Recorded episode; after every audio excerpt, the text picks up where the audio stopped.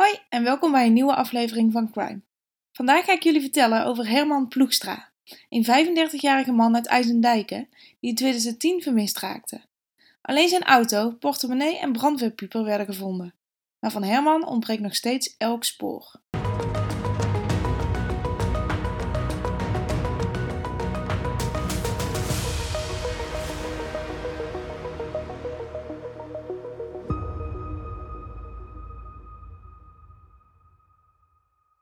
De 35-jarige Herman Ploegstra, een kraammachinist en vrijwilliger bij de brandweer, was getrouwd met zijn vrouw Sandra en woonde samen met haar en hun dochter in IJsendijken. Herman heeft op 26 oktober 2010 een kickboxles in Breskens bij de sportschool. Om kwart voor tien verlaat Herman de sportschool en rijdt hij naar huis. Hij wordt daar voor het laatst gezien op de parkeerplaats. Het is niet lang rijden naar huis, maar als hij om kwart over elf nog niet thuis is, slaat zijn vrouw Sandra alarm. Een zoektocht wordt op touw gezet en niet veel later wordt bij het terrein van Rijkswaterstaat een grijze BMW X5 teruggevonden. Het blijkt om de auto van Herman te gaan, maar van Herman ontbreekt elk spoor. Wat gek is, is dat de sleutels nog wel in de auto zitten. Ook worden zijn portemonnee en brandweerpieper naast de auto gevonden en worden er in de auto bloedspatten gevonden. Hier klopt iets niet, moet ook de politie hebben gedacht, want het signalement van Herman wordt vrijwel direct daarna verspreid. Hij heeft kort geknipte blonde haren, is 1,85 meter groot en droeg die avond een zwarte Nike sportbroek, een wit shirt en een soort schapenvacht vest met een zwarte rits. Het vest had een capuchon en op de voorste uh, zijde stond PME Legend met bruine letters. Nou, best wel een gedetailleerde omschrijving zou je zeggen, maar ondanks de omschrijving komen er geen bruikbare tips binnen. Eind november laat de politie Zeeland weten dat het onderzoek muur vastzit. We zijn er echt ja, klaar mee, zegt een woordvoerder. We kunnen niet verder op dit moment. Op 15 december 2010 doet zijn vrouw Sandra dan een wanhopige oproep. Er moet iemand zijn die iets weet. Er moet meer duidelijk worden, zegt Sandra. Ze vervolgt haar oproep met: Je wilt bepaalde scenario's uitsluiten. Je wilt ja, door, je weet niks en je kan alleen maar wachten. En nu de politie vastzit, willen we tips krijgen. Ik hoop dat er iemand is die een tip kan geven. Nou, best wel een verdrietige oproep. Ze haalt ook nog even aan dat ja, hun dochter Anouk acht jaar is en erg verdrietig is.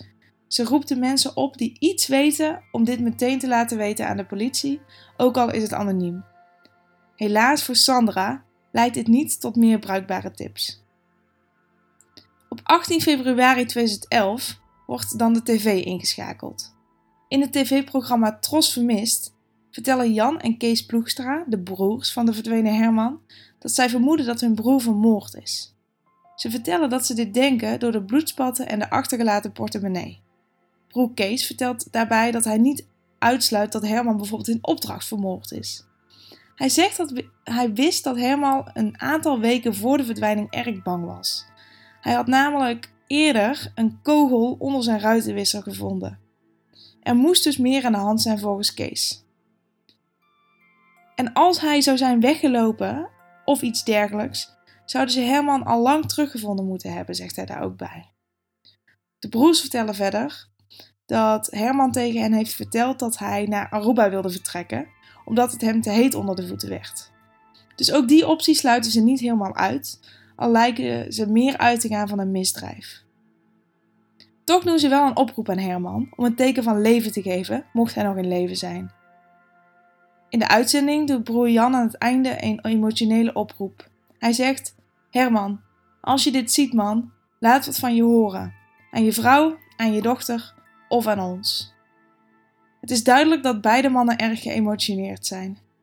Naar aanleiding van de uitzending komen 17 tips binnen, maar helaas, geen een van die tips leidt tot een oplossing. Op 6 november dat jaar wordt dan in een uitzending van Peter R. de Vries duidelijk dat Herman Ploegstra een dubbel leven leidde. Het blijkt dat hij verschillende affaires had tijdens zijn huwelijk, waaronder ook met de vriendin van een brandweercollega. Ook wordt tijdens de uitzending duidelijk dat Herman een slechte relatie had met zijn schoonvader. Zelf spreekt Peter R. de Vries ook dat hij denkt dat Herman door een misdrijf om het leven is gekomen. Na de uitzending ja, stromen de tips binnen.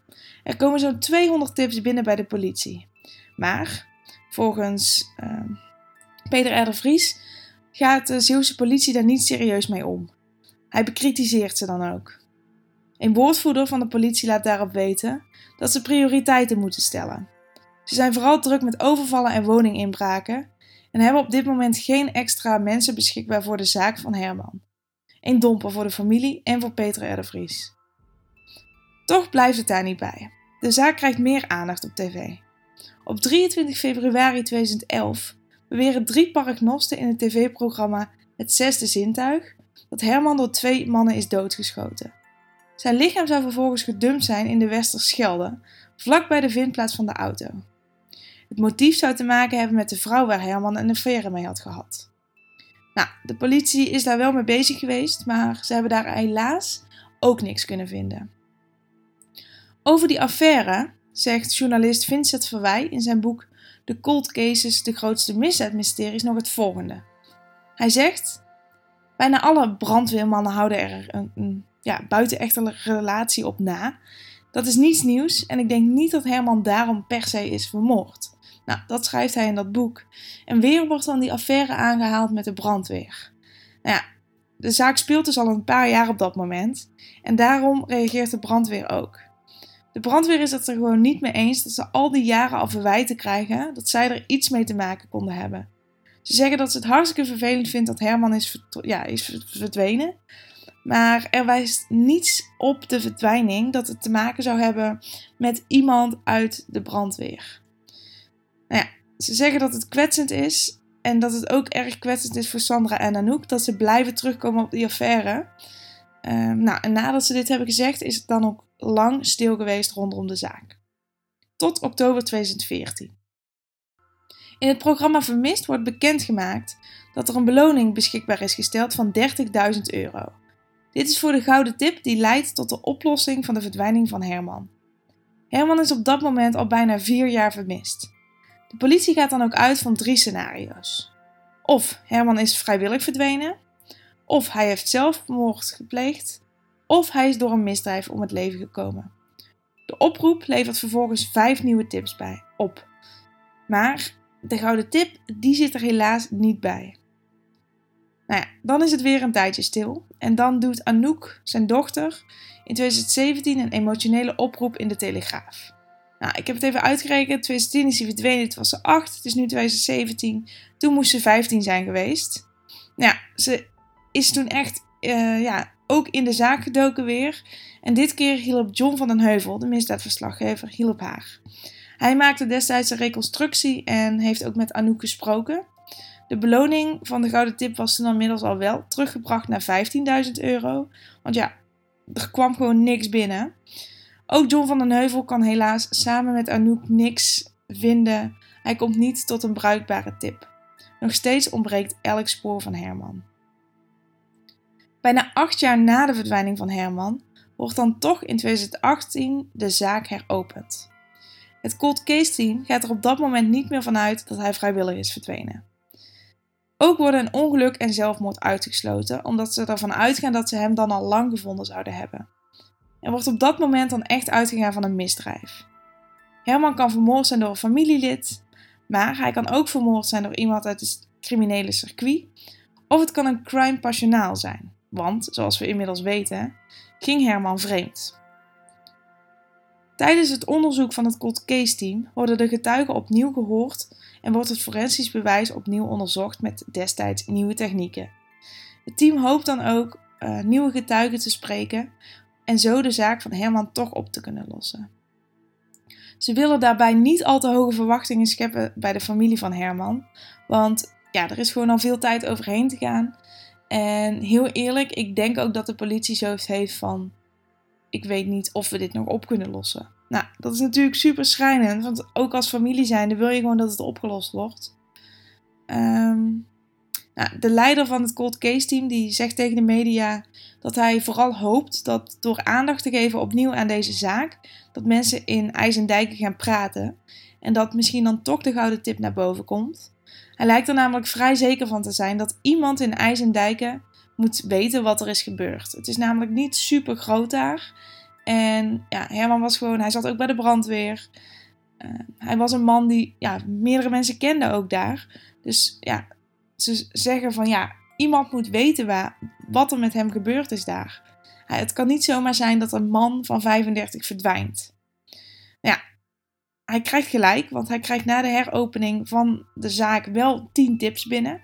Nou ja, dan kun je zeggen 10 tips, daar, uh, daar kom je misschien al ver mee. Maar helaas, ook deze tips leiden tot niks. In het gemeentehuis van Oostburg wordt vervolgens op 25 juni 2008 een informatie gehouden voor de inwoners van IJsendijken. 25 belangstellenden komen daar dan op af. De broer van Herman, Jan, doet wederom een emotionele oproep. Hij zegt dat hij op zoek is naar antwoorden. Een van de aanwezigen is zijn voormalige vriendin, eh, de vriendin van Herman bedoel ik dan, waarmee hij een affaire had. En zij geeft aan dat ze echt hoopt dat deze zaak heel snel wordt opgelost. Ook voor zijn ja, vrouw Sandra en voor zijn dochter Anouk. Er zijn dus nog steeds mensen die het echt om het hart gaat en die nog steeds willen dat deze zaak opgelost wordt natuurlijk. Nou, helaas heeft deze informatieavond ook niet tot veel geleid, want de zaak komt dan weer stil te liggen. Maar dan blijkt dat op 11 juli 2018 een mobiele telefoon in de handen van het cold case team terechtkomt. Nou, daarmee denken ze een doorbraak te hebben, want de geruchten gaan dat de telefoon van Herman is en dat de telefoon uh, in de buurt van zijn auto is gevonden. En dat dit zijn geheime vrouwtjestelefoon was, waarmee hij zijn minnaressen belde. Nou, de politie is hier natuurlijk meteen op ingesprongen en hebben een groot onderzoek gedaan naar die telefoon. Want wie weet stond daar iets op waarmee, ja, misschien toch crime passionaal, dat hij is vermoord door een familielid of een man van een van zijn minnaressen. Dus ze hoopten echt op een doorbraak. Maar helaas, nadat ze de hele telefoon hebben uitgelezen, blijkt dat het serienummer van de telefoon niet overeenkomt met de gegevens die het team heeft. Opnieuw een domper dus. Ze kunnen niks met de telefoon. Dan op 27 maart 2019 organiseert het Cold Case Team nog een bijeenkomst van de, voor de inwoners van IJsendijken. Dit keer in IJsendijken zelf. Officier van Justitie Kim Weijers geeft op die avond uitleg over het onderzoek. Ze hoopt dat iemand nog een tip heeft, al is het anoniem. Ze geeft namelijk aan dat ze echt alles aan hebben gedaan en dat, ja, dat ze gewoon muurvast zitten. Alleen een tip, al is die anoniem, kan nog helpen. Ze geeft aan dat ze telefoontjes hebben afgeluisterd, op plekken hebben gegraven in IJzendijken. Ze hebben een meer doorzocht, maar ze hebben gewoon niks van Herman kunnen vinden. Het is een groot mysterie. Ze doet dan ook nog één laatste oproep Kom naar de politie als je tips hebt. Toch blijft het na de overeenkomst ook stil. En daarom ligt op dit moment de zaak dan ook ja, stil. De verdwijning van Herman Ploegstra blijft vooralsnog opgelost, onopgelost. Tenzij er nieuw bewijs naar boven komt of er een nieuwe tip bij de politie binnenkomt, zal de verdwijning van Ploegstra daarom voor altijd een mysterie blijven.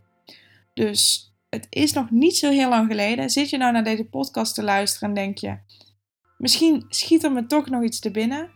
Nou, tips kan je nog steeds inleveren uh, bij de politie, bij het cold case team. Een linkje daarvoor hebben we op onze website staan. Dat is www.crimepodcastnl.com. Als je daar naartoe gaat, vind je het linkje, kan je alsnog wat inleveren.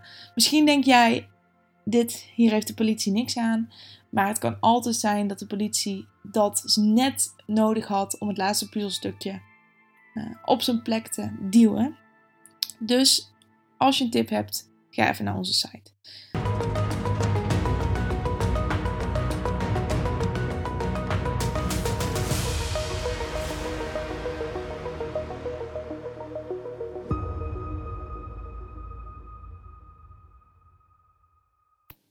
Bedankt voor het luisteren naar weer een nieuwe aflevering van Crime. Ik hoop dat jullie het weer een fijne aflevering vonden om naar te luisteren. Volgende week vertelt RJ jullie weer over een nieuwe zaak. En ik uh, spreek jullie snel.